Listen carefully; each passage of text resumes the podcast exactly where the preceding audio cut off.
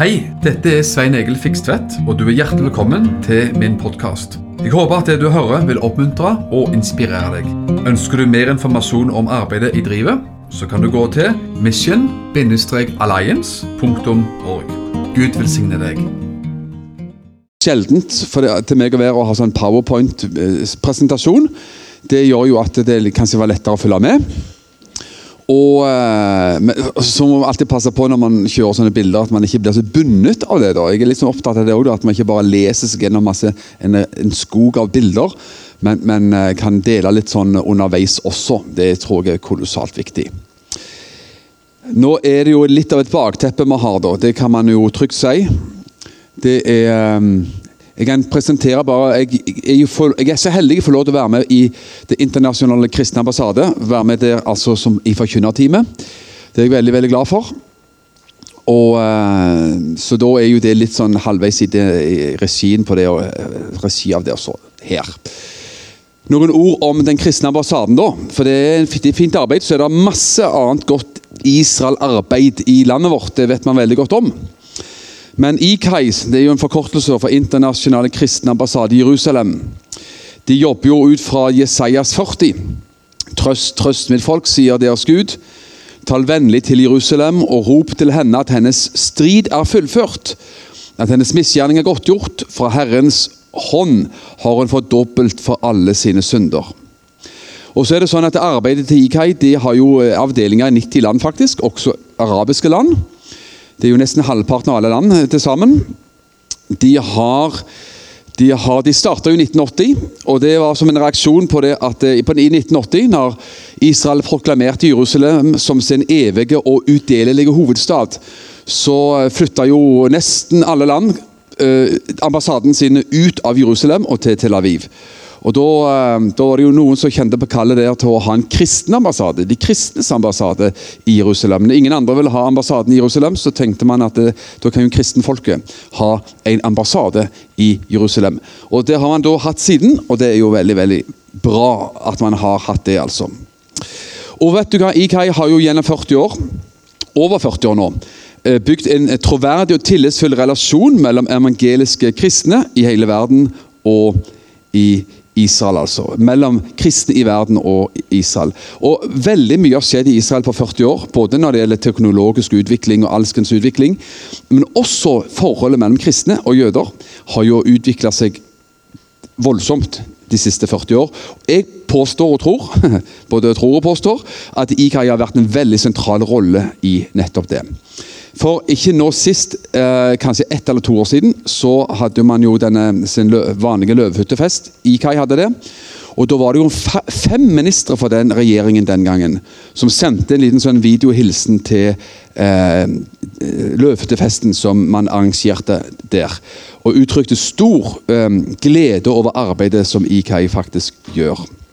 Så IKAI de har, hatt, de har vært med å bygge det israelske samfunnet. De har eh, støtta og drevet arbeid for holocaust-overlevende.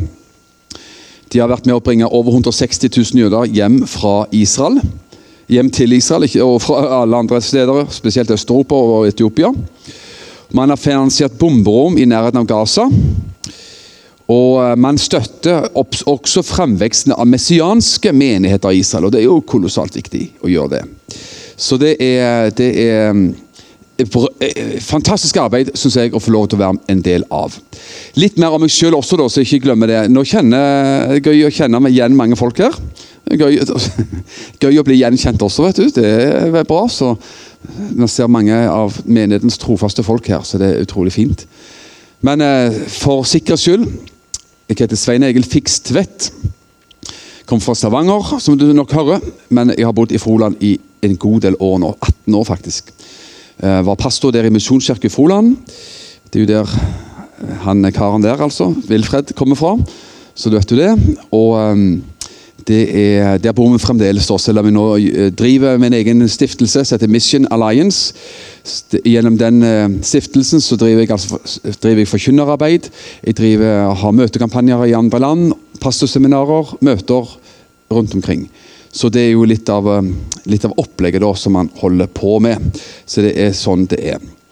Nå er det jo som sagt litt av et utrolig aktuelt bakteppe man har nå når det gjelder Israel, når man tenker på hva som har skjedd de siste ukene der nede. Jeg husker selv akkurat hvor jeg var. Hvor var du når Brå brakk staven, sa man før. Hvor var du når du fikk vite om det som skjedde eh, av angrep på Israel? Da satt jeg foran peisen en tidlig morgen, lørdag. 7. Eh, oktober må jo det ha vært. Og uh, kikka inn i peisen, tok en kopp kaffe. Så fikk jeg en um, SMS eller fra, på WhatsApp-melding. Fra hvem? Fra en araber. Som sikkert noen har hørt om. Shalim Shalash. Han er jo pastor i Nasaret. Han er eh, akkurat like mye støtte og glad i Israel som alle jøder. Kanskje mer enn enkelte jøder også. Og, og støtter Israel uh, fullt ut. Og, og uh, sendte en sånn nødmelding at landet vårt, sa han, er under attakk. Og Da skjønner vi innholdet av meldingen der at det var ikke bare noen raketter fra Gaza som vanlig, men det var langt langt verre enn det. Og det har man jo skjønt i ettertid hvor grusomt de tingene faktisk har vært. La meg lese også Du kjenner nok de versene, men de er nesten skremmende aktuelle. Salme 83. Noen få vers. I disse tider så er jo de så aktuelle at det er utrolig. Salme 83. Gud, Hold deg ikke så stille, vær ikke taus, og vær ikke så rolig, Gud. For se, dine fiender raser, og de som hater deg, har løftet hodet. De har eh, lagt listige råd mot ditt folk, og sammensverget seg mot dem du bevarer. De har sagt, kom, la oss utslette dem som et folk, så ingen lenger vil minnes Israels navn. De har, for de har sammensverget seg mot deg, eh, mot, seg med ett sinn. Disse danner et forbund mot deg. Det er ganske utrolig vers. Det, det, vers 5 der Kom, la oss utslette dem som folk. Så, lenger, eh, så, vi ikke lenger minnes Israels navn. Det er jo Skulle nesten trodd det var rett fra charteret til Hamas. Uh, og det kan jo altså Det er jo fra Bibelen, da, men, men det skulle tro at de hadde liksom klippet og limt det inn i charteret sitt. Men det ser man jo hvor det, det hatet mot jødene og Israels folk det har altså vært i, i, til alle tider. Og um, Det passer jo veldig godt inn i andre verdenskrig også, men det passer jo utrolig eh, inn i vår tid. Denne antisemittiske ånden som råder, og som, er, eh, som vokser. Som er i framvekst, dessverre. Nå skal vi gå gjennom og se ta, ta, Jeg har lyst vi skal ta oss gjennom en liksom, Bibelens røde tråd, egentlig, om, om, eh, utvelgelsen av Abraham, jødiske folket. Skal kalt det også for Israel i fortid, Israel i nåtid og Israel i fremtid. Og, og, eh, så vi skal se på noen av de tingene der sånn, og kjøre en bibelsk liksom, um, grunn for dette her opplegget sånn sett. Vi trenger jo en økt bevissthet og forståelse for Israels situasjon og rolle i Guds frelseshistoriske plan. Du vet, Vårt forhold til Israel det er ikke bare på et politisk plan. Det kan det være også, og det er ikke så dumt. Men det er det heldigvis noen andre også som har. Til og med, Det finnes noen få, altfor få, politikere i Norge som kan stå opp for Israel, bl.a. Sylvi Listhaug. Og en og annen fra KrF og, og noen fra Frp og sånne ting pluss eh, Ingjerd Skau fra Høyre, som har vært en varm eh, talskvinne for Israel, faktisk. Så det er bra. Og så er det jo eh, enormt mange som ikke er det på noen som helst måte, dessverre. Men vi trenger å, så det er en politisk side av saken, det er en historisk side av saken, og så er det jo en bibelsk side av saken. Og Nå blander vi jo litt det sammen her, da. Det gjør man veldig fort i disse, på dette emnet. Men vi skal kjøre liksom en litt bibelsk rød tråd på dette her likevel. Frelseshistorien begynner ikke med Jesu fødsel i Betlehem og avsluttes ikke med hans himmelfart. Fordi det står noe mer i Bibelen om det. Gud er ikke ferdig med Israel ved Jesu himmelfart. Det er mer. Det er der mange stopper opp og tenker at vi har fått det vi skulle få av jødene. Vi fikk jo Jesus og Bibelen, så får de, får de klare seg sjøl etterpå. Ha det godt. Klar dere sjøl. Så enkelt er det jo ikke. Eh, det skal vi se på. Så dette burde vært en helt naturlig og eh, integrert sak i, menigheten, i menighetene, faktisk. Og eh, Hvis ikke dette er med i vår forkynnelse, så er det en mangelvare faktisk i forkynnelsen vår. Menigheten, Gud er menighetens hode. Han er høstens herre, og han er Israels gud. Han er Abrahams, Isaks og Jakobs gud. Og fordi han er det, så er han også vår Gud. Israel i fortid. La oss gå, og la oss eh, passe på at vi ikke bruker altfor mye tid på det heller, selvfølgelig. Men frelseshistorien vår, som jeg har sagt allerede, den begynner ikke med juleevangeliet, selv om det er jo veldig aktuelt snart. Og eh, heller ikke Johannes 3, 16, som vi kjenner veldig godt til. Men det begynner faktisk ved syndefallet. Der Gud, der kommer den første profetien om en som skulle komme en gang og knuse slangens hode. Og Da står det at så sa Herren Gud til slangen Det var jo etter Adam Eva falt i synd. Fordi du, slangen altså, har gjort dette, skal du være forbannet framfor alt fe og, øh, og framfor hvert dyr på marken. På buken skal du krype, og støv skal du ete alle ditt livs dager. Jeg vil sette fiendskap mellom deg, altså slangen, og kvinnen. I dette tilfellet Eva. Og mellom din, altså slangens ett, og hennes ett. Evas ett. Og så plutselig så slår det over. Så kommer det plutselig en han inn i dette her. Så det han, står der skal knuse ditt, altså slangens hode, og du skal knuse hans hæl. Og Det er jo den første Messias-profetien som vi finner i Bibelen. Altså, Hva er det opplegget her nå? Jo, fra kvinnens ett så skal det komme en kar, en mann, en, en, en ham som en gang skulle knuse slangens, djevelens hode. Overvinne djevelen. Og det er jo, får jo selvfølgelig sin oppfyllelse i Jesus. Men hvordan skjer dette? Jo, det formes etter hvert, skjønner du, et folk ut av Guds til Abraham. Og fra den slekten Abraham, Isak og Jakob, så er det sånn at det, til slutt, om du vil, i des, den slekten der, sånn, så kommer altså eh, Jesus fram til syne. Så går vi videre og ser på dette med frelseshistorien og utvelgelsen av Abraham. Det er jo kjente vers. Herren hadde sagt til Abraham, eller Abraham, dra ut fra ditt land og din slekt og fra ditt fars hus til det landet som jeg skal vise deg. Jeg skal gjøre deg til et stort folk. Jeg skal velsigne deg og gjøre ditt land stort, og du skal bli en velsignelse. Jeg skal velsigne dem som velsigner deg, og jeg skal forbanne den som forbanner deg. Og i deg skal alle slekter på jorden bli velsignet. Ok? Og Her ser vi det, hvordan Gud snakker altså om en ett som skulle også uh, presenteres og, og utvikle seg fra Abraham. I deg skal alle jordens slekter bli velsigna. Og så ser vi jo det, Hvis man leser da, første Mosebok, at Gud snakker igjen og igjen. Gjentatte ganger så snakker Gud om dette med en ett, altså en slekt, og et land. Og De to tingene kan ikke separeres. Et folk og et land. De fleste folk, eh, ege, folkegrupper har et land. Ikke alle har det. altså Noen er jo integrert i en større sammenheng. Kurderne er i, i spredt i forskjellige land og, og så videre sånn. Men Gud lovte Abraham og hans folk og hans ett og slekt de lovte, Gud lovte også de ett land. Ok? 13, eh, første Mosbok 13-14. Etter at Lot hadde sitt lag med ham, sa Herren til Abraham.: Løft nå blikket og se fra det stedet du er, nordover, sørover, østover, vestover. For hele det landet du ser, gir jeg deg, og din ett til evig tid. Jeg skal gjøre din ett lik støvet på jorden. Om en mann skulle kunne telle støvkorn på jorden, da skulle også din ett kunne telles. Stå opp og dra gjennom landet på langs og tvers, for, uh, for jeg gir det til deg. Og du ser, Vi skal ikke lese alle de skriftstedene, så vi skal gå videre. Og Da skal vi lese i vers 17, der, for det er litt sånn artig. faktisk da. Vers 17, første Mosebok 17, siste verset der på skjermen, 15, fra vers 15.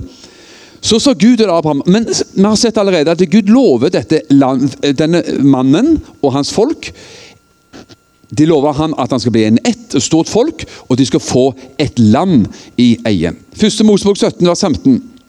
Så sa Gud til Abraham Sarai, din hustru, skal, skal du ikke lenger kalle med navnet Sarai, men Sara skal være hennes navn. Jeg skal velsigne henne og også gi deg en sønn med henne. så skal jeg velsigne henne, og folkeslag skal komme fra henne. Konger over folkeslag skal utgå fra henne. Det er altså løftet om at Abraham og Sara skulle få barn sammen. ikke sant?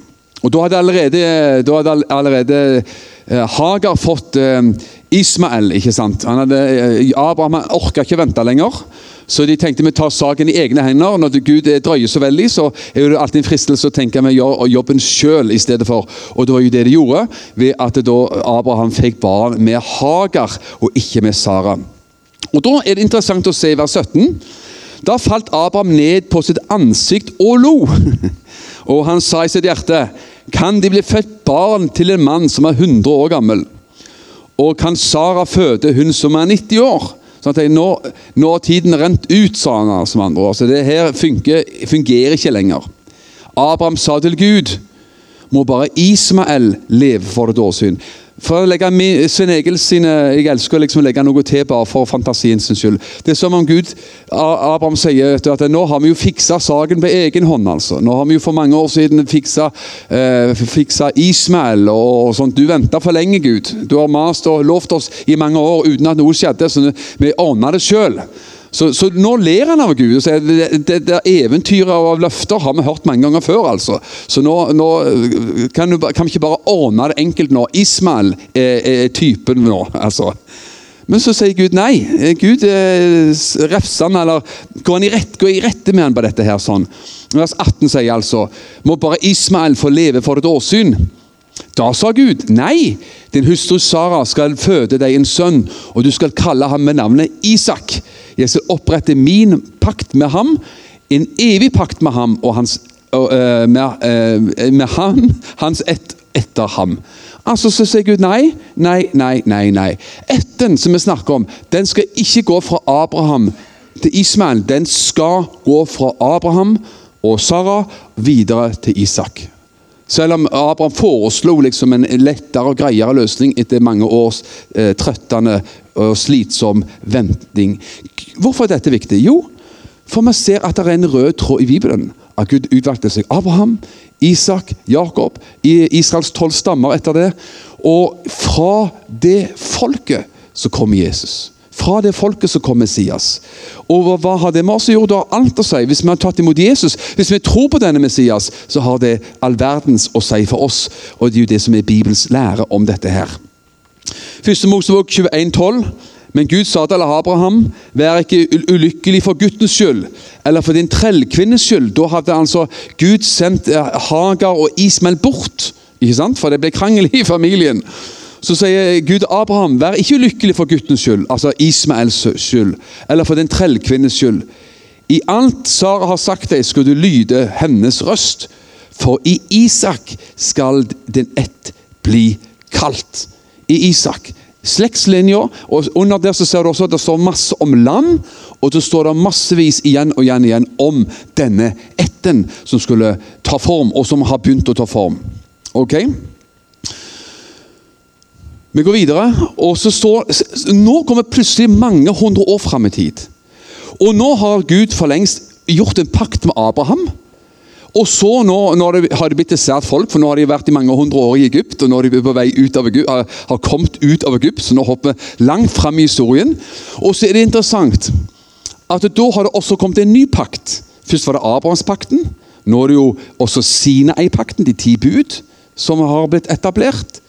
Og så er, det, poenget dette at selv om det har kommet en ny pakt, så er ikke løftene fra den første pakten oppheva. Altså, løftene til Abraham mange hundre år før står ved lag. Så man kan rent teologisk si, det, si det sånn at, at en ny pakt med Moses ødelegger ikke og annullerer ikke pakten med Abraham, som ble inngått med Abraham mange hundre år før den tid.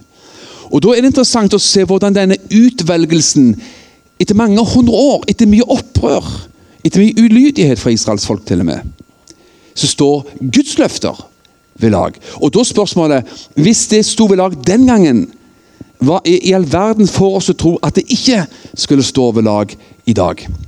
Da leser vi. Uh, 5. Mosebok 7, vers 6-8. For et hellig folk er du for Herren. Det, var jo når de skulle inn i landet etter mange hundre år, og det har vært enormt mye opprør og mye spetakkel, mye bråk mellom Gud og folket. Likevel så står Guds løfter ved lag. For et hellig folk er du for Herren din Gud. Deg har Herren Gud utvalgt for at du skal være hans eiendomsfolk framfor alle folkeslag på jordens overflate. Jeg ser at det er litt sånt, ja, jeg sånn ja, men det, Da leser jeg, da, og så får vi se hvordan dette kan bli. Vi prøvde jo å rette opp herrene på dette, så ikke at jeg Er det min ledning som er sprø? Vi kan gjøre sånn da, så at ledningen ligger stabilt oppe her. Jeg vet ikke om det kan gjøre noe med livet.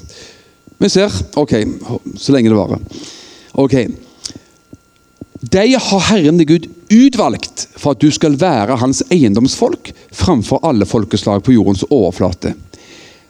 Og Gud er ærlig, bare hør her. Ikke fordi dere var større enn alle andre folk, var det at Herren hadde dere kjær og utvalgte dere.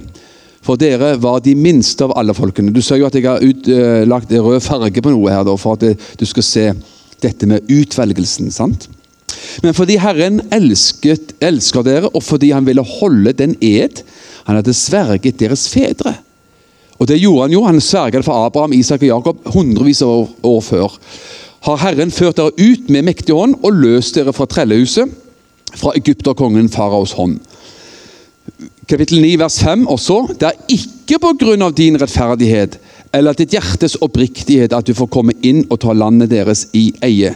Men det er på grunn av disse folkeslagenes ugudelighet at Herren Gud driver dem ut bort fra ditt ansikt, og for at han kan oppfylle ordet han sverget for dine fedre, til Abraham, Isak og Jakob. Derfor skal du kjenne at det er ikke pga. din egen rettferdighet Herren Gud gir deg dette gode landet til eiendom, for du er et stivnakket folk. Så det fikk de det også. Fra hvem? Fra Gud, via Moses. Og så er det jo sånn, altså, Jeg har skrevet ned noen punkter der, så er du midt i der at eh, jeg har skrevet der, Gud er gammel. Han, Gud er veldig gammel, for han er jo fra evighet av, så han er blitt eh, ganske gammel. Men han er ikke glemsk, og han er veldig, veldig trofast. ja. Og så ser du det, og så får ta en Romerbrevet 11 der til slutt. nedi der. Det har ikke du på skjermen. Roman 11, 28. Romene 11, 28. Jeg, det, jeg, må ikke be folk snu seg og se på den skjermen, da, for da så det fungerer jo her, da, men det er et eller annet kobling med den, da, kan det se ut som. Ok. Romene 11.28-29 sier ifølge evangeliet er de fiender for deres skyld. Det er rart, kanskje, men det er sant. For Jødefolket i det store hele har jo ikke tatt imot Jesus som sin herre og frelser. Men ifølge utvelgelsen er de elsket for fedrenes skyld. For Guds nådegaver og kall kan ikke tas tilbake. Så Paulus, når vi leser nå eh, eh, Mosebøkene der, så snakker Gud igjen og igjen om utvelgelsen. Utrolig nok så tar Paulus 2000 år etter dette igjen eller ja, 1400 år, da, for det, det, går jo fram i tid. Så, så, så tar altså Paulus dette med utvelgelsen med igjen. Så Paulus var ikke ferdig med dette utvelgelsesbegrepet eh, og utvelgelsesopplegget med det jødiske folk. De er fiender pga. evangeliet, for de har ikke tatt imot frelsen. og på den måten, For frelsen, veien til frelse er lik for alle mennesker. Men Guds hensikt og Guds utvelgelse og Guds plan er ennå ikke fullt ut fullført med sitt folk på den måten, faktisk. Og la meg, jeg, jeg, jeg, Den tese som jeg selv liker, og spørsmålet jeg liker å dra fram, og det er hvis vi kan bevise i Bibelen at Gud ikke er ferdig med sitt folk, hvordan kan vi tillate oss å være ferdig med det folket? Hvis vi kan se i Bibelen at Gud ikke er ferdig med det. For mange stopper jo opp i sitt forhold til Israel. Ok, Vi fikk Jesus av det, Jesus dro til himmelen. Og så sier vi halleluja når vi er frelst, vi har fått Jesus og Bibelen av jødene. Så, så sier vi klar dere sjøl. Og I verste fall så har de også, Den kristne kirken har jo forfulgt jødene kolossalt. Uh, men vi, hvis Gud ikke er ferdig med det folket, og vi kan finne bevis for det i Det nye testamentet, så kan ikke vi heller tillate oss å være ferdig med dette folket. de er elska. Men ifølge utvelgelsen leste vi i Romane 11, 28 og 29. Men ifølge utvelgelsen er de elsket for fedrenes skyld. Det ble jo skrevet i Nytestamentet. Det ble skrevet i det viktigste brevet i Bibelen. Romerbrevet, som er jo det beste teologiske skriftet vi har av Paulus. Og selve romerbrevet er jo frelseshistorien. Fra syndefallet helt fram til, til ja, Jesu gjenkomst, faktisk. Hvis man leser romerbrevet i, i, sin sammenheng, så er jo romerbrevet kolossalt. ikke sant? Så, og så står det også vers 29, eh, Romene 11, 29. For Guds nådegaver og kall kan ikke tas tilbake. Og, det, at Gud ikke angrer å ta tilbake sitt kall og nådegaver. Vi liker å bruke det om oss sjøl, kanskje. Eller vi kan bruke det om mennesker som er predikanter som har falt i synd, eller eh, noen som har uh, rota det til. Så sier man ja, men Gud angrer ikke sitt kall, kommer tilbake igjen til Gud. Og det stemmer jo. Men sammenhengen det skrevet er jo skrevet Det mynter her på jødefolket, faktisk. I Det nye testamentet. Så Paulus presiserer jo akkurat det der, sånn at Gud angrer ikke sine gaver og utvelgelser. Nå skal jeg prøve å rote litt med den ledningen en gang iblant, så hvem vet om det kommer noe uh, inn der. Du verden, altså. Jeg får, skal ha en egen person som driver og jobber Nei da, kan ikke det heller. Vi må gå videre. Ja, det er for sant, det. Men hvilken skal vi se, hvilken åndelig arv har du og meg fått fra jødene? Ja, Du sier det kanskje, og det er sant nok. Ja, men det er for Gud. Ja, alt er for Gud. Men Gud lot sin, sine gaver komme via og gjennom det folket. Det, det, det, går ikke an å lese Bibelen troverdig og, og, og, og, benekte det. At Gud lot sine gaver, Skriften og Jesus og alt som fins av det vi har, har Gud lot komme gjennom dette folket. Så nå kom det på igjen her. Fantastisk. Og det er jo igjen Romerbrevet og Hvis Nytestamentet ikke hadde hatt disse versene, så hadde vår Israel-teologi vært ganske tynn og spekulativ. og Da har vi liksom bare fiska opp Ikke det er galt, men, men, det er klart at det, Nye testament, Gamle testamentet og Nytestamentet kjører denne røde tråden igjennom hele, hele Bibelen. Ikke bare fram til liksom Malaki og slutten av GT, men, men den tas videre med inn i Nytestamentet. Romane 3, vers 1-4. Hvilken fordel har da jøden, sier han, og hvilken gagn er det omskjærelsen? Hva er, hva er bakgrunnen for det spørsmålet? Jo, rett før der så har Paulus egentlig hva skal man si, refsa og, og, og gått i rette med jødene, som stolte på omskjærelsen. Som stolte på loven for frelse. Og så, Da svarer Paulus Paulus driver jo stadig og kommer med spørsmål. Og så svarer han på spørsmålet også. da. Så spør han da, men hva er da poenget? Hva, hva fordel har da jøden, da, siden vi har sagt at det er både jøder og hedninger trenger Jesus? At det er både jøder og hedninger som ikke har Jesus, er under synd og under Guds dom. Hvilke fordeler har da jødene? Han, han driver og dveler og reflekterer rundt de tingene. Og da sier han jo dette. Mye på alle måter. Først og fremst det at Guds ord ble betrodd dem. Guds ord! Bibelen her, som vi er så glad i, ble betrodd hvem? Dem. Jødene. Og Det burde jo mane til en liten dose takknemlighet og anerkjennelse og støtte. Det sier Romerbrevet 11 veldig sterkt. Hva om noen var utro? Ja, noen, sier Paulus. Noen vil sikkert si mange. Men var det mye utroskap og mye opprør og mye, mye vanskeligheter i forhold til Gud og jød, mellom Gud og jødene? Ja. Kan deres utroskap sette Guds trofasthet ut av kraft? På ingen måte. Det står fast at Gud er sannferdig, men hvert menneske er en løgner. Som det står skrevet, for at du skal bli rettferdiggjort i dine ord og kan vinne seier når du dømmer. Romerne 9, 1-5. Jeg håper ikke jeg går for fort fram, men, men eh, liksom, klarer å disponere tida. Jeg, jeg ser jo klokke, klokkeslettet her, vet du, så det er jo voldsomt. Romene 9, 1-5. Jeg taler sannhet i Kristus, sier Paulus. Jeg lyver ikke. Og min samvittighet vitner også sammen med meg i Den hellige ånd at jeg har stor sorg og stadig nød i mitt hjerte, sier han. For jeg kunne ønske at jeg selv var forbannet bort fra Kristus for mine brødres skyld, mine landsmenn etter kjødet. Det var jødene, selvfølgelig. De, sier han, som kommer med den åndelige arven og de, de åndelige velsignelsene de fikk av Gud, og som vi har fått del i. Og så sier han de som er israelitter, dem tilhører barnekåret, herligheten, paktene, lovgivningen, gudstjenesten og løftene. Også fedrene tilhører dem. Og fra dem er Kristus kommet etter kjødet. Han står over alle, den evige velsignede Gud. Amen. Her, her listes jo opp hele den åndelige arven gjennom disse to versene her, som vi har fått fra det jødiske folk. Guds ord ble betrodd i. Og eh, Kristus har kommet fra dem, profetene kommer fra dem. Part, eh, på, eh, fedrene kommer fra dem, altså patriarkene.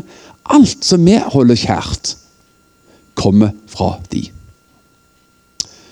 Og bare, bare, I lys av det så blir det jo eh, mildt sagt merkelig og patetisk og tragisk når man da eh, måtte kappe alle fortøyninger som man har gjort historisk sett, til dette landet og dette folket. Det er, det, det er ingen tvil om at det er bare så ille. Jesus kom. Og jeg tenker jo det, venner, også. Vi leser med Romerne 9 her, sant? Det er så interessant at i Roman 8, slutten av Roman 8, som vi ikke har på skjermen her nå, så preker Paulus veldig om Guds kjærlighet. sant? Hvem kan skilles fra Kristi kjærlighet? Og Han sier jo at det kan, kan forfølgelse, sult, nakenhet, sverd og ditt og datt. Kan det skilles fra Kristi kjærlighet? Nei, sier Paulus. sant? Jeg er overbevist om at verken engler, krefter, liv eller død eller noe annet skal kunne skille oss fra Guds kjærlighet, som er i Kristus Jesus.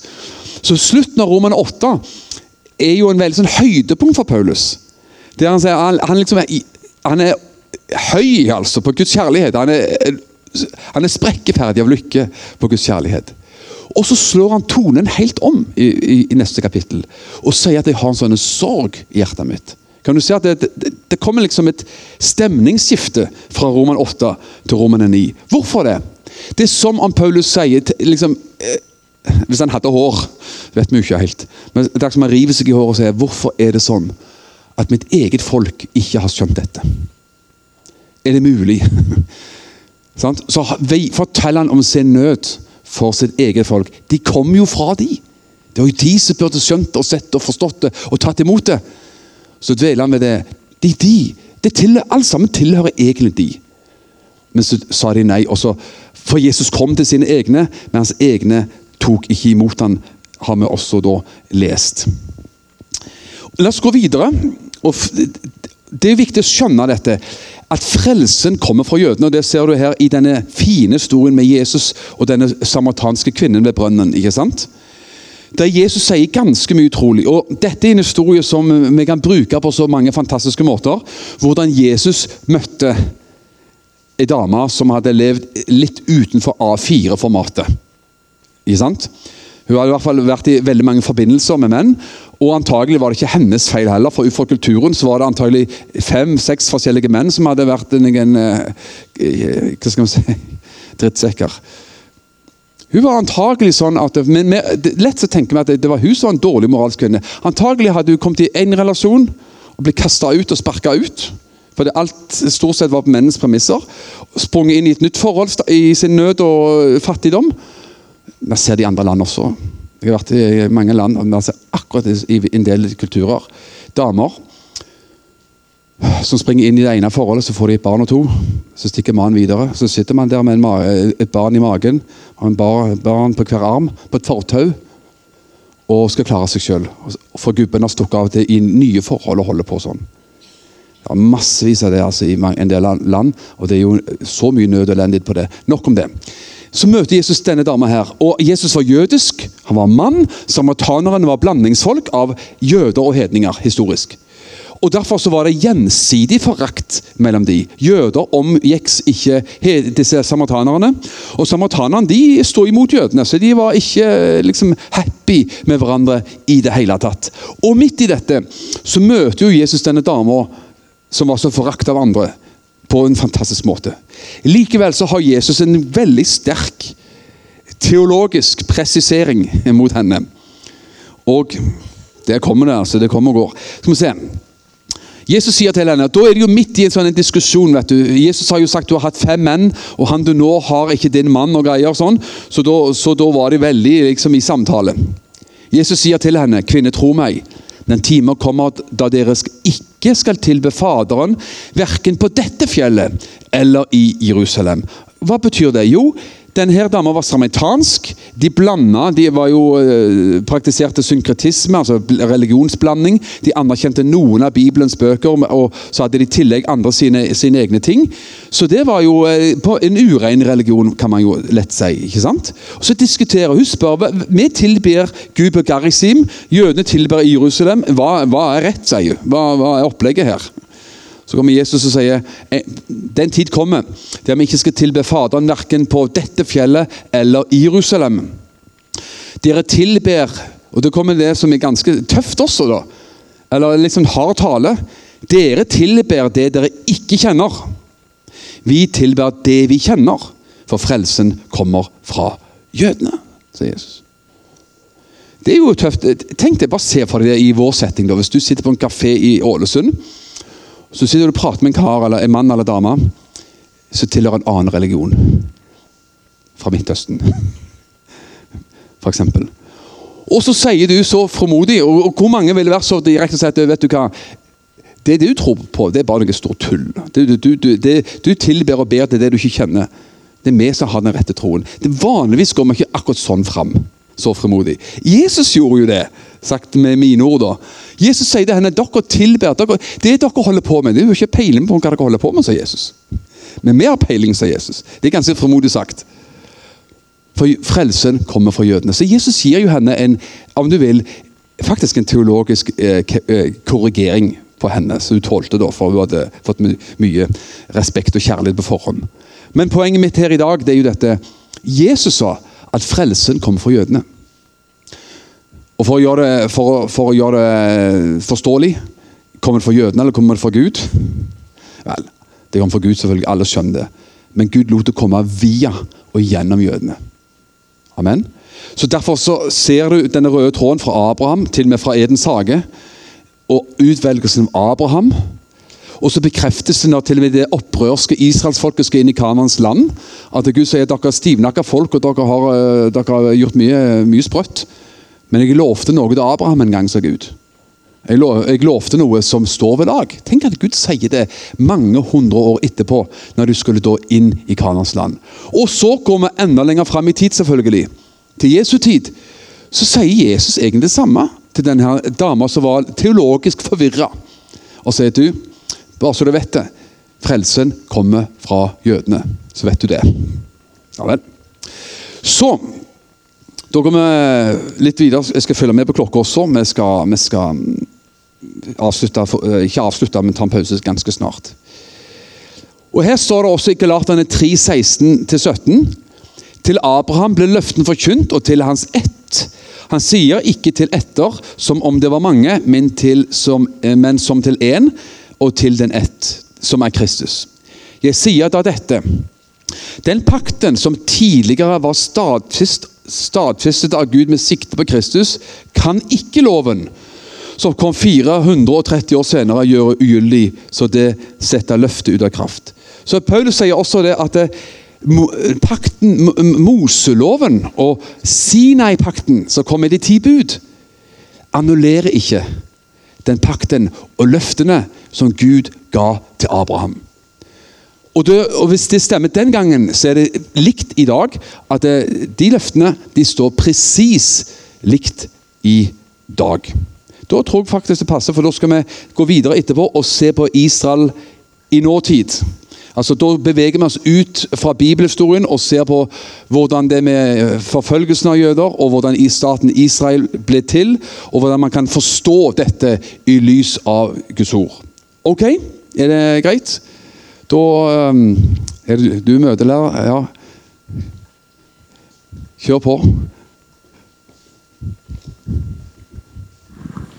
Ja, det er interessant. Vi gleder oss til neste, til fortsettelsen. Eh, nå tar vi en liten matpause på en halvtime. Ja, ja. Ja.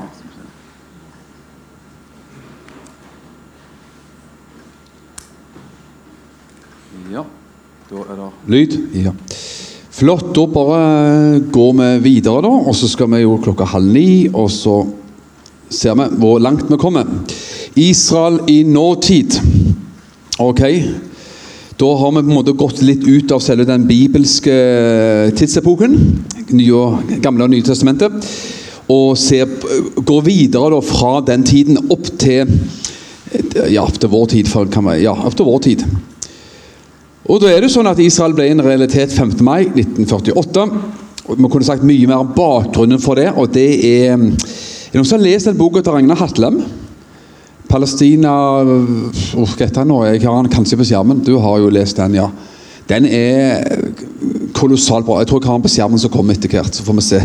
Den anbefales, for den gir den historiske og juridiske eh, forklaringen på hvorfor Israel eh, har alle rettigheter som fins.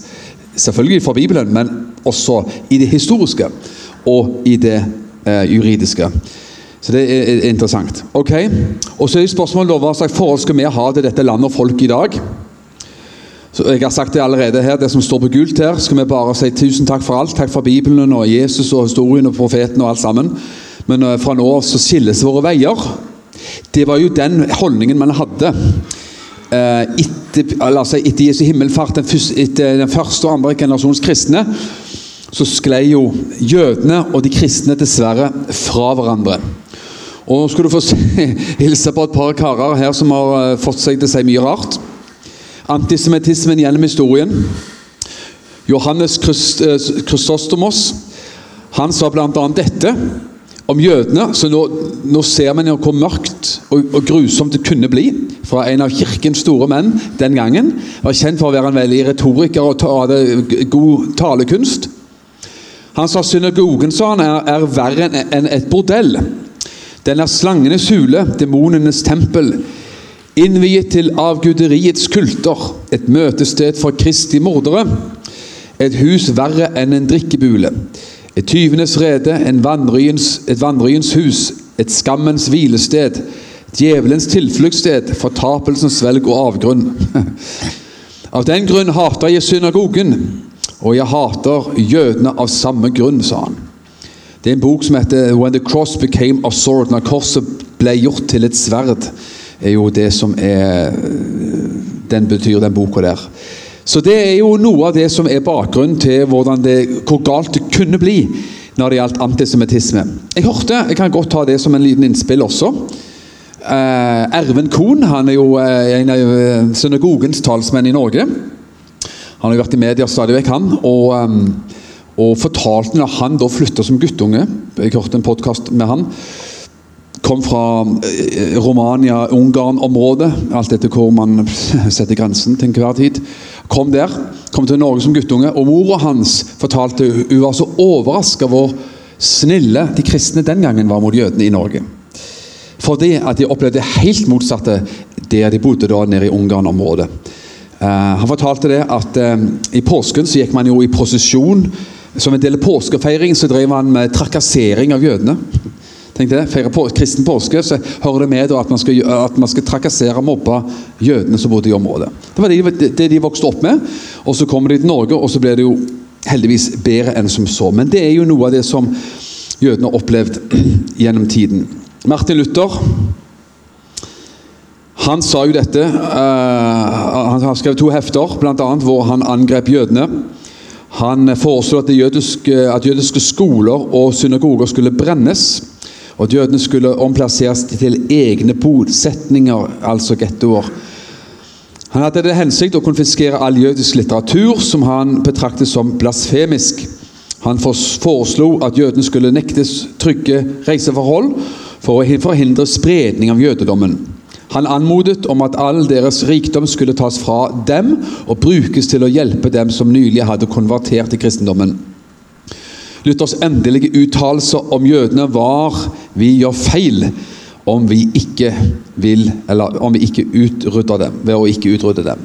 Så Det er noe av det, den fryktelig mørke siden ved Luther, som jeg kjenner, kjenner godt til, og som også Eh, nazistene elsket å sitere. Det er klart at det var jo, det var jo eh, fantastisk for nazistene å få sånt på gullfat av, av eh, kirkens menn. Men det var bedre, heldigvis bedre også lyspunkter i, eh, i, oppover historien. Og her har vi noen og Spesielt i England så var vekkelsesbevegelsene mer, langt mer prega av jødevennlighet og Israel-vennlighet. Og I England altså fantes kristne som trodde at Gud ville bringe det jødiske folket hjem til Sion og landet Israel. Allerede på 1500-tallet talte puritanerne i England om gjenopprettelse av nasjonen til det jødiske folket basert på Bibelens profetier. Altså Bibelens ja, budskap og profetier. Da har du tro på Bibelen! Når du liksom eh, flere hundre år før den tid ser fra Bibelen at det, det, det må være sånn, det må bli sånn, vet du. Da har du tro på Bibelen. Flere kristne bøker ble gitt ut i England på 1800-tallet som uttrykte støtte til at nasjonen Israel skulle gjenopprettes, endog at England måtte bidra i denne prosessen. Og England var jo med på noe av det, heldigvis, ved denne her, uh, Balfour-deklarasjonen som kom, der man lanserte og var jo i førsten veldig åpen for å, å hjelpe til for at jødene skulle få hjemlandet sitt tilbake igjen.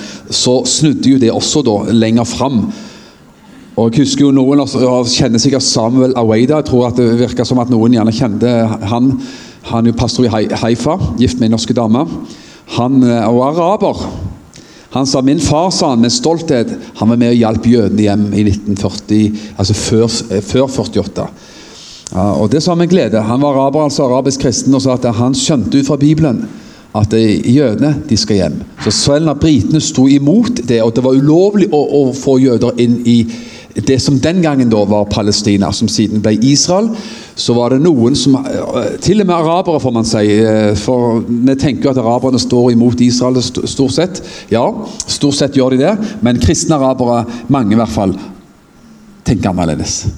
Samuel Awida er et fantastisk eksempel eh, på akkurat det. Og han sa få jeg han, jeg bare møtte han en gang i Israel for i 2000.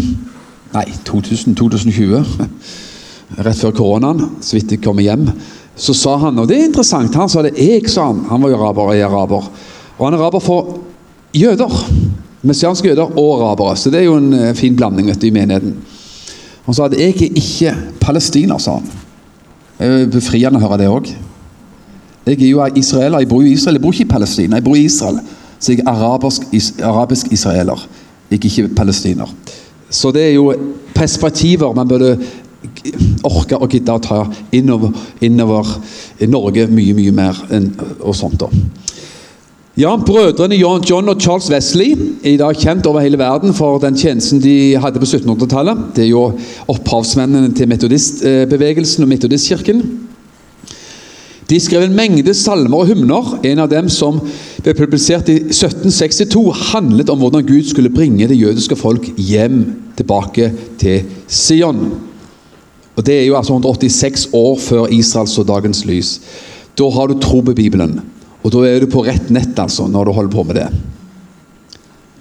Du har um, Charles Spurgeon. Han var, han var, en bra kar. altså. Han kaltes jo for predikantens fyrste. Han sier dette det vil, inn, det, bli, det vil, bli, en innfødt regjering igjen, og det vil nok en gang bli en konkret politisk stat, altså Israel. En stat skal bli innlemmet, og en konge skal regjere, sa han. Israel er nå blitt fremmedgjort for sitt eget land. Hennes sønner, selv om de alle kan glemme Palestinas hellige støv, dør i håpløs distanse fra hennes innviede kyster. Det var et tilstand som var før 1948. Men og Det sier han altså lenge, lenge før. 84 år før det skjedde. Men det skal ikke bli slik for evig, sier han. For hennes sønner skal igjen glede seg i henne, og hennes land skal igjen bli kalt for Belua. Beula, og det, det er et ord som betyr ekte hustru. Det er et begrep fra Bibelen. For som en ung mann gifter seg med en jomfru, slik skal hennes sønner gifte seg med henne. Jeg vil plassere deg i ditt eget land, er Guds løfter til dem. Igjen profetert, prekt av Charles Spurgeon, altså mange, mange år før det skjedde. Og vår egen, da Ole Hallesby. Øyvind Andersen. Han var en kjent teolog og bibellærer ved Fjellhaug skoler. Det er jo eid av Norsk Luthersk Misjonssamband. Han fortalte dette fra sin studietid på Menighetsfakultetet. Så sent som i 1928, altså 20 år før Israel så dagens lys, husker jeg vi spurte professor Ole Hallesby under en forelesning om Israel ville få sitt land igjen. Da svarer Hallesby jeg kan forsikre dere, mine unge venner, sa Hallesby. Israel får aldri sitt land tilbake. Den tid er forbi. Alle Guds løfter i Det gamle testamentet er oppfylt i og med Jesus Kristus. Og de gjelder ikke lenger noe land, sa han. Der tok han feil, og han innrømte og beklagte også sin feiltolkning og feiltaking på det. Så det, det skal han virkelig ha. Alle av oss kjenner jo litt kjenner navnet Ola Hallesby, og at han, at han, var en mann som var teologisk konservativ. Men hadde, og innså da, når Israel så dagens lys, at han hadde tatt feil i sine dystre spådommer, og faktisk også da tydeligvis sin, sin erstatningsteologi, for det er jo faktisk det det var. Så er det sånn at Jesus sjøl profeterte om at Israel igjen skulle se dagens lys. Så Jesus sa det, og det må jo ha vært litt av en historietime for disiplene som hørte dette her. Lukas 21, 25, 24, så sier Jesus de skal falle for sverdets egg og bli bortført som fanger til alle folkeslag. Og Jerusalem skal være nedtrampet av hedninger inntil hedningenes tider er oppfylt. Jeg tenker, Når Jesus forteller om endetiden og mange ting som skal skje til disiplene, så sier han bl.a. at denne byen her, Jerusalem, skal altså og Ikke bare Jerusalem, men folka som skal bli spredt rundt omkring til andre folkeslag. rundt omkring sånn. Og Jerusalem skal bli nedtrampa. Så visste jo disiplene, for de var jøder og de kjente bibelhistorien, at det ca. år 600 år før Kristus så hadde jo dette skjedd ved bortførelsen til Babylon. Og så må det, det må jo ha gått litt iskaldt nedover dem når de hørte at Jesus profeterte om enda en diaspora. Avspredelse, bortføring osv. Så, videre. så det må jo ha vært litt av, en, litt av en nyhet som de fikk av Jesus. Men Og det skjedde i år 70. Men så kommer dette nydelige ordet inn, som ofte du finner i Bibelen, som forklarer veldig mye for oss. Det er det lille røde ordet her 'inntil'. Og Du skjønner jo hva det ordet betyr. Inntil det er jo noe skal være en tilstand og tilfelle fram til et gitt tidspunkt. Inntil noe annet skjer. Og Jerusalem skulle være, eh, skulle være altså eh, nedtrampa av hedninger, og folket skulle være bortført til alle folkeslag. Det skjedde jo. Og man har vendt tilbake igjen i stor grad. Og Så ser vi altså at Jesus sier både to, en dårlig nyhet, de skal bli bortført, og Jerusalem skal være nedtrampa, men det skal bare vare inntil en kort tid. Og Det bringer oss plutselig inn til dette som jeg liker å si Hvis Gud ikke er ferdig med Israel, Jerusalem og jødene, så hvorfor i all verden skulle vi være ferdig med landet og folket og byen? Sant? Så 14. mai 1948 så ble Israel gjenoppretta til en moderne stat. Og Siden den gang har jøder fra alle kanter, ca. 150 land, vendt tilbake til Israel. Landet har vunnet mange flere kriger, har flere, krig, vunnet flere kriger ja, og har mot alle menneskelige odds overlevd. I dag landet strutter bibelsk historie. Mange av oss har vært der, kanskje alle. Og er samtidig hypermoderne på så mange, mange ting. Det vet vi. I Mattes Matteus 5,35 så sier Jesus at Jerusalem er den store kongens by. Og Vi rekker ikke gå inn i alle ting, men selve kampen om Jerusalem At Jerusalem er og blir bare liksom en problemsak for noen, eller mange, det er jo noe Bibelen taler om mange plasser.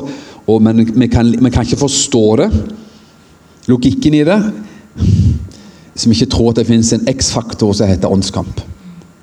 Det eneste forklaringen er at det er et element som heter åndskamp i det. sant? Jerusalem, Jesus kalte den for den store kongens by. Det er byen hvor Jesus ga livet sitt for oss. Det er byen Jesus, fra den byen Jesus ble tatt i himmelen, og byen han kommer tilbake igjen til. Og Hvis det stemmer, så kan ikke vi sitte der og ikke bry oss om den byen.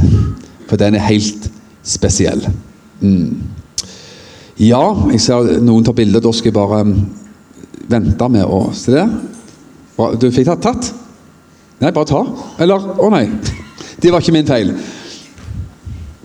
Ok, beklager. Du kan ta et bilde etterpå her om du vil. Det går fint. Ja Ja, se her, ja. Så da er spørsmålet, vet du Vi som tror på Bibelen i dag, etter 1948, hva slags forhold bør vi ha til Israel? Jeg leser litt selv bare fra skjermen her. I dag kjemper jo landet sin kamp for sikkerhet. Dette er skrevet før 7. Eh, oktober. Det har fått en mengde helt sånn grelt mange resolusjoner og fordømmelser mot seg i FN. Langt over det kan man jo lese midt i der. 70% av FN-kritikken er retta mot Israel. Israel har blitt fordømt og kritisert 17 ganger gjennom FN-resolusjoner 2020. Okay? Og Resten av verdens land har blitt fordømt seks ganger.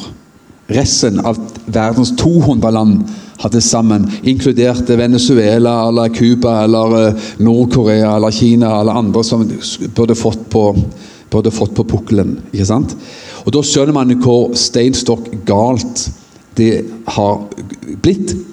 Og Jeg syns jo selv at den talen som han, FNs generalsekretær hadde for det, noen uker siden, etter 7. oktober, er jo det verste man kan ha, hørt. altså mangel på forstand og, og fullstendig følsomhet for det grusomme attakket som var mot jøder, og sier indirekte at de, de har seg selv å takke. Det har ikke skjedd i et vakuum. Det begår all undertrykkelsen fra Israel i alle år som har gjort dette her. Altså Man forstår og unnskylder eh, terroren. Det skulle ta seg ut at man begynte å forstå 22. terroristen på samme måte. Han, jo, han kom jo tross alt 22. terroristen, altså Anders Behring Breivik, han kom tross alt fra et dårlig hjem. Han kom tross alt fra skilsmissehjem, og alt var bare trist. Skal vi ikke, skal vi ikke unnskylde han litt, da, i det minste? Og gi han litt sånn formildende omstendigheter. Hvor galt, hvor galt kan det bli? Ja, vi skal bare gå videre, skal ikke lese alt. Det er den boka som jeg snakket om. Den, eh, den burde jeg nesten hatt med og solgt her nå. For den syns jeg er veldig bra. Ragna Hatlem er advokat og jobbet på Politihøgskolen og vært etterforsker og alt mulig. Og Han bestemte seg enkelt og greit for at han ville bare Alle hører alle slags påstander om Israel. Så tenkte han at jeg skal bare etterforske saken sjøl. Nå skal jeg finne ut av det sjøl. Så han begynte å jobbe fram dette her, og studere, grave og granske og, og jobbe seg fram på dette. her. Og den boka hans, Han har vært og hatt seminar ut fra boka si også på den israelske ambassaden i Norge. Og den boka er veldig, veldig, veldig bra med veldig bra innholdsfortegnelse, som at du kan hoppe inn, i, inn, og ut av de emnene du vil. For den er veldig sånn forklarende på det. Altså. Så Du får hele historien fra Israels gjenopprettelse, eller begynnelsen. Eh, Balfour-deklarasjonen og, og, alt som begynte å komme i emning, eh, f.eks. fra første verdenskrig og oppover. Og tar det og sier at Israel fikk sitt skjøte på sitt land under disse prosessene som skjedde etter første verdenskrig. På samme periode som Norge fikk Svalbard, så har man problemer med at Israel fikk det som er Israel, det som er Vestbredden, det som er Gaza. Den gangen fikk de også det som er Jordan. by the way. Hvis man har problemer med at Israel f.eks. skal ha Vestbredden, så burde man, og om man mener det, så burde man kanskje vurdere å gi fra oss Svalbard. For vi fikk Svalbard i den samme utdelingsprosess, faktisk. Ja, det er mye å si om det. Den gangen ble det dannet mange moderne stater da i Midtøsten, deriblant Israel. Og palestinerne sa nei til dette delingsforslaget, faktisk. Så de kunne ha hoppet på om de ville. Jeg er jo glad for at de ikke ville, for, for det var eh, urettferdig. Men, men de kunne gjort det hvis de ville. Israel i framtiden, da jeg tror vi skal klare oss, jeg, altså. Har Bibelen noe å si om dette landet og dette folkets framtid? Og hva slags eh, rolle spiller dette landet da, i Guds frelseshistoriske plan? Som sagt, som jeg sa innledningsvis, mye mye, mye, mye kunne blitt sagt om eh, rent sånn eh, politisk, historisk, juridisk. Og det er flere andre i salen her som kan det antagelig langt, langt mer enn meg. Ikke bare antagelig, garantert. Eh, så, så, og det er interessant. og alt der For oss kristne, i hvert fall, så, som tror på Bibelen, så er jo disse tingene også selvfølgelig fletta godt i hverandre også. Vi har allerede lest Lukas 21, 24, at eh, Jerusalem skulle være nedtramp av hedninger inntil hedningstider er oppfylt. Og så ser man det at Jerusalem gradvis har kommet tilbake igjen på jødenes hender. Kan man tro at det er en del av den profetiske timeplanen?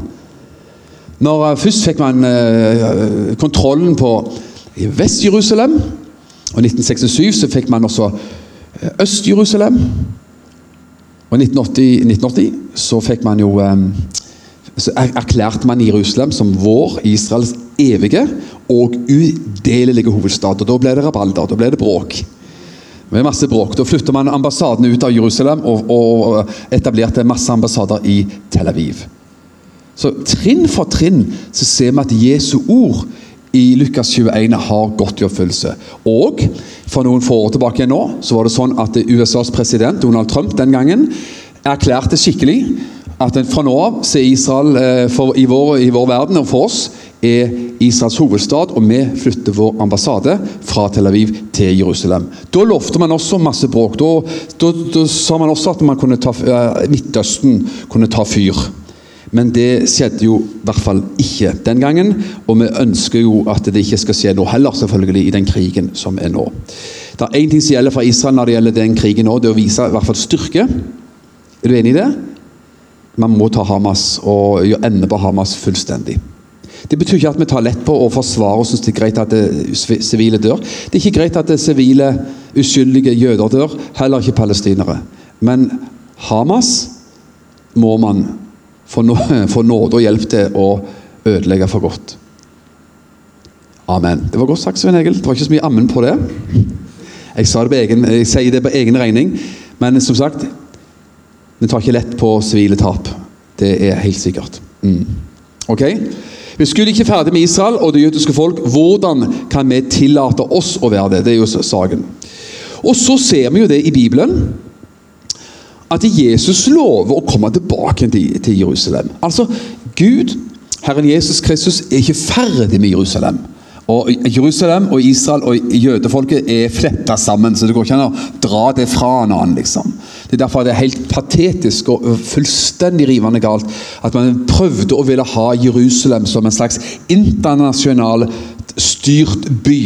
Løsrevet fra nasjonen Israel. Det prøvde man seg jo på når Israel eh, så dagens lys, men heldigvis gikk det ikke sånt. Ja, Der sier Jesus i Matteus 23 Jerusalem, Jerusalem, hun som dreper profetene og steiner dem som er sendt til henne. For ofte vil jeg ikke samle sammen dine barn, som en høne samler kyllingene sine under vingene sine. Men dere ville ikke. Se, sier han, deres hus etterlater dere øde. For jeg sier dere, dere skal ikke se meg mer før dere sier velsignet var Han som kommer i Herrens navn. Så Jesus sier, folkens, vi skal ses igjen. Noe som er interessant Det er mye som er interessant, så jeg må passe tida, vet du. Historien i Bibelen om Josef ligner jo veldig, nesten som en profetisk bilde, profetisk historie, på Jesus og jødene. Josef ble sendt ut som ble jo tatt til fange og avvist av brødrene sine. Han hadde drømmer om å velsigne folket sitt og brødrene sine. Jesus ville komme til sine egne, og hans egne tok imot ham. Brødrene til Josef sendte, de tok kappen hans og sendte ham av gårde til hedninglandet Egypt. Hva skjedde med Jesus? De, de avviste Jesus. De, eh, Jesus ville være til Han sa jeg ville velsigne dere og samle dere, sa Jesus. Men de avviste Jesus, og Jesus og hans evangelium ble sendt til hedningland, bl.a. til Norge. Så kommer Josef tilbake. Eh, eller Josef blir, blir forfremmet og blir til velsignelse i Egypt. Som, eh, som regent eller som statsminister. Jesu evangelium og Jesus har blitt til velsignelse for en mengde folkeslag rundt omkring. Inkludert Iran. Inkludert Nepal. Jeg har vært i Nepal mange ganger og sett hva Jesus gjør der. Sant? Så kommer Josef og møtet så ble Josef gjenforent med brødrene sine. De står med lua i hånda for å få brød og for, for, for, for å få mat. Så ble de sterkt og mektig og fantastisk gripende gjenforent. Sant? Og en dag så tror jeg det er presis det som kommer til å skje også med Jesus og hans brødre. det jødiske folk. En dag skal de se han igjen. Da skal de se ham som de har gjennomstunget, står der. Zakaria. sant? Så den gjenforeningen den har ikke sett enda. Men vi ser utrolig mange interessante paralleller mellom altså, Josef og brødrene og Jesus og hans brødre. Postens gjerning 1, 9-12. Nei, den får ikke du med deg, dessverre. Skal vi se om det går an å gjøre noe krimskrams med denne her. Vet ikke. Men det er jo Apostelens gjerninger 1, 9-12. Det står det jo, vet du, i vers 11. Galileiske menn, hvorfor står dere og stirrer opp mot himmelen? Det var ved Jesu himmelfart. Den samme Jesus som ble tatt opp fra dere til himmelen, skal komme igjen på samme måte som dere så ham fare opp til himmelen. Og så står det rett etterpå at det var jo ved Oljeberget. Den samme Jesus som dro opp, skal komme igjen. Du ser, Vi finner flere vers som forteller at Jesus skal, bli, han skal igjen komme tilbake til sitt eget folk. Gjenopprettelse for riket for Israel er jo det noe disiplene spurte om når Jesus dro til himmelen. Vil du på den tiden gjenopprette riket for Israel? Det kommer de, av. Mm. Det, var det, det var de interessert i, og det kan man forstå. Hvorfor det? Bakgrunnen her, vet hva det var? Gjenopprette riket for Israel. Da kan vi tenke eh, Hva slags, hva slags drømmeverden var disse stakkars disiplene levde i, som begynner å snakke om gjenopprette riket for Israel? Men det er ikke sikkert det var så dumt. For de hadde vært i 40 dagers bibelskole sammen med Jesus etter hans oppstandelse, der han underviste dem om Guds rike. Så det er antagelig ikke spørsmål som er helt ute på, på, på bæretur. Antagelig spørsmål som var høyst relevant. Og Jesus avviser ikke spørsmålet og sier det er dumt. Han ler ikke av det. Han bare sier at det, fokus her og nå det er at Guds rike skal forkynne, evangeliet skal forkynnes for alle folkeslag. Det er det han sier. Så Han ler ikke av innholdet, han bare sier til folkens tiden er gitt Faderen. Det han sier. Det er ikke dere gitt å vite tiden, men det er åpenbart at innholdet var relevant for disiplene og for Jesus. Ok, Vi skal ta lese Romane 11 der. Vi hopper over Mattes 19, tror jeg. Vi tar Romane 11. Det dras inn til vår tid, eller ja, til vår tid, det dras inn til, langt inn i eh, brevene. For jeg vil, brødre, ikke brødre, at dere skal være uvitende om denne hemmeligheten. Så Pøls hadde en hemmelighet, og en hemmelighet er jo noe som bare én eller to personer vet. Før du røper, røper det til alle andre. Så Paulus hadde fått åpenbart noe som han nå deler med romerne. Så dere ikke skal være kloke i egne øyne. Nemlig at forherdelse har rammet en del av Israel. Da har du igjen dette ordet, da. Inntil. Inntil. Fram til, altså. Fylden av hedningene er kommet inn. Og slik skal hele Israel bli frelst. Da har du denne gjenforeningen som en gang vil skje mellom Jesus og landet, byen og folket. Som det finnes eh, profetier på, som har lest allerede fra Matteus og Lukas, Zakarias osv. Som det er skrevet, utfrieren skal komme fra Sion, og han skal vende ugudelighet bort fra Jakob. For dette er min pakt med dem når jeg tar bort deres synder. Ja, men Hadde ikke Jesus allerede tatt bort deres synder da på korset noen år før? Selvfølgelig. Forsoningen gjelder alle. Men likevel åpenbart at det på et eller annet tidspunkt så skal Israel i det store og hele bli frelst som land og folk. Og møte Jesus som land og folk. Vers 28. Ifølge evangeliet er de fiender for deres skyld, men ifølge utvelgelsen er de elsket for fedrenes skyld. For Guds nådegaver og kall kan ikke tas tilbake. Altså, Ifølge evangeliet så er de fiender, for de trenger evangeliet akkurat like mye som alle andre. Det er ingen annen vei til frelse. Men ifølge utvelgelsen. Og Det er akkurat det, det vi leste i 5. Mosebok 7, 8 og 9.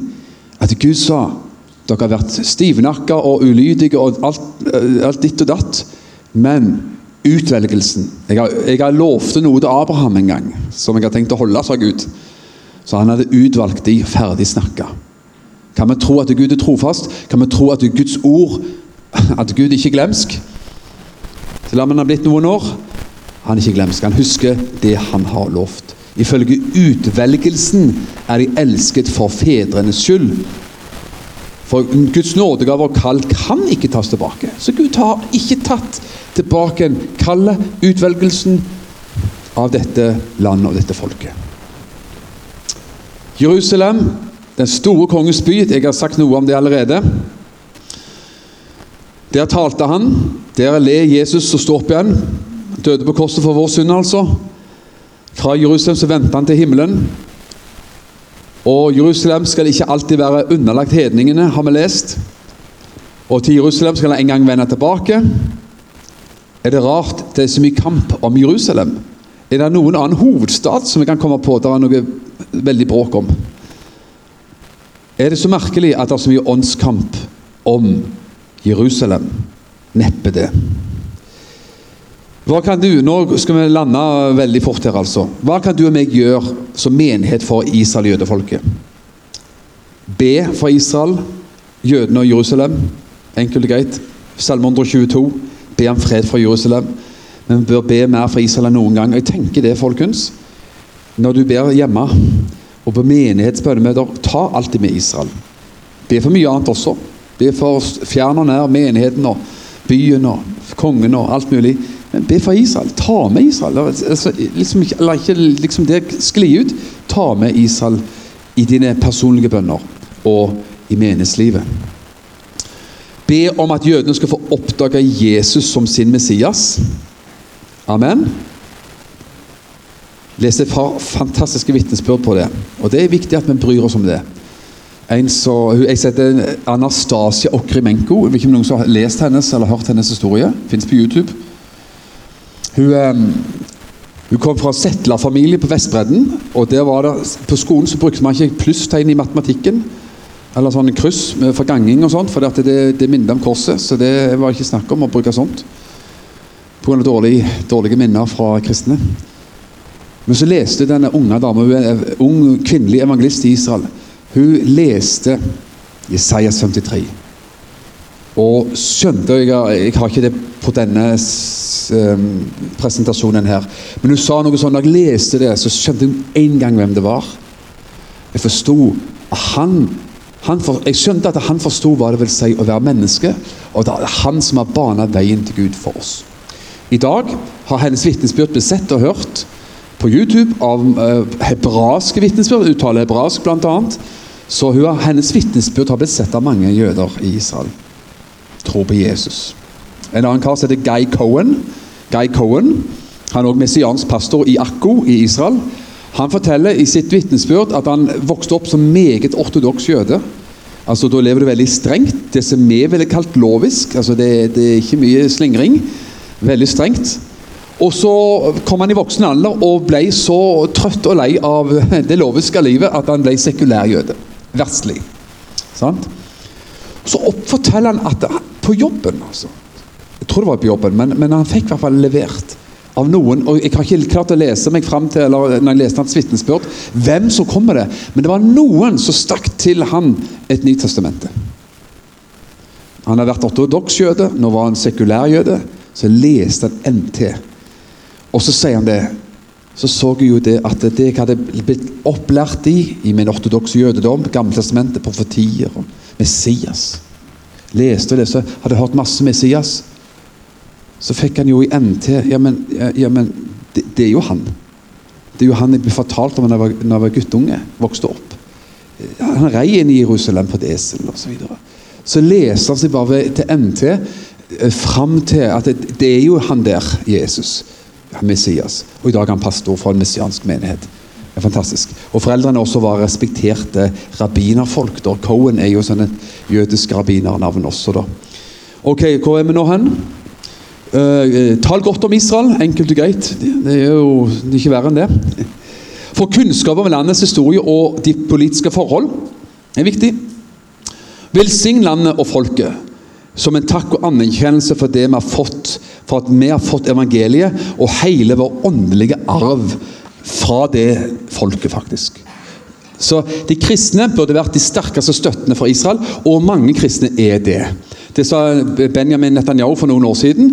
At er, vi har ingen bedre støtter enn evangeliske kristne f.eks. i USA og andre steder, når man er eh, den type kristne som du og meg er. Som tror på Bibelen, og som er her i dag. ikke sant? Det er viktig. Når verden og når FNs generalsekretær og andre eh, vrir seg i stolen eh, og ikke får til å hoste opp, altså. En fordømmelse av angrepet fra Hamas. Kan noen forklare hvordan det går an? Ja, Man kan le, man kan grine, man kan begge deler, for det er så sykt. Og det er mer enn sykt, for det er igjen denne faktoren som ikke, som, denne ukjente faktoren, X-faktoren, som er åndskamp. Det kan ikke være noe annet enn at det er en faktor som heter åndskamp og demonisk. For det er et hat mot dette landet, dette folket og denne byen som, altså, som, ikke, som ikke kan forklares på noen annen måte enn dette. Da har ikke jeg mer bilder her. og sånt, så Hvis det er noen som har spørsmål, kommentar, så Når var det vi skulle være ferdig? Er det noe sånn? Ja da, vi har eh, fredag kveld og alt, så det er ikke så galt, det. Så er det noen som har inn, innlegg, innspill, spørsmål, kommentar? Relativt kort, kanskje? Ja? Ja.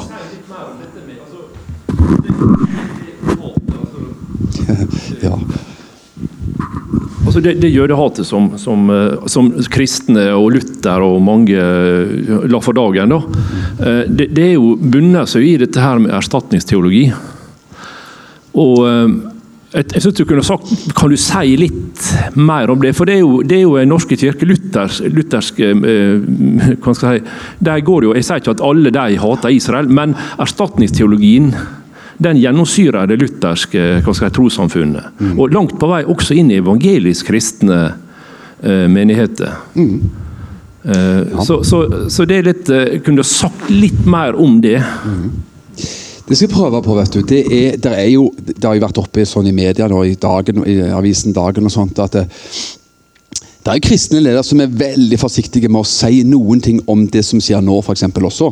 Krigen og sånt. og Noen her i uh, salen her fortalte meg at de uh, ville ha bønnemøter for Israel nå i forbindelse med den, det som skjer. Men da fikk man egentlig bare nei på det fra pastoren. da. Hvorfor er det sånn? I dette tilfellet, disse tilfellene er det gjerne en bare sånn berøringsangst for at man er redd for Hvis vi ber for Israel eh, Betyr altså Man blander kortene. Betyr det at man syns det er greit at palestinere dør i hopetall? Nei, men det gjør man ikke. Man skulle ønske at det er færrest mulig døde. Men man er for at Hamas må tas, tas en gang for alltid. ikke sant? Så, så, og, og, I en krig så dør sivile, samme hvor det er krig hen. Men, men, så Det er nok en sånn berøringsangst på det. Og så utfordrer det for noen teologien også. da.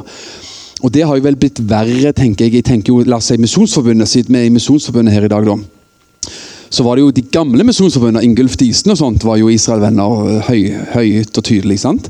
Og Så har for noen da dette stilna veldig hen, dessverre. Fordi at man er redd for at hvis man, eh, hvis man gjør det, så, så, eh, så, er man liksom ikke Palestina-venn, eller så man, blåser man i ja, at palestinere dør. Det gjør man ikke. Men Israel har et spesiell plass. Jeg skal prøve å konkretisere.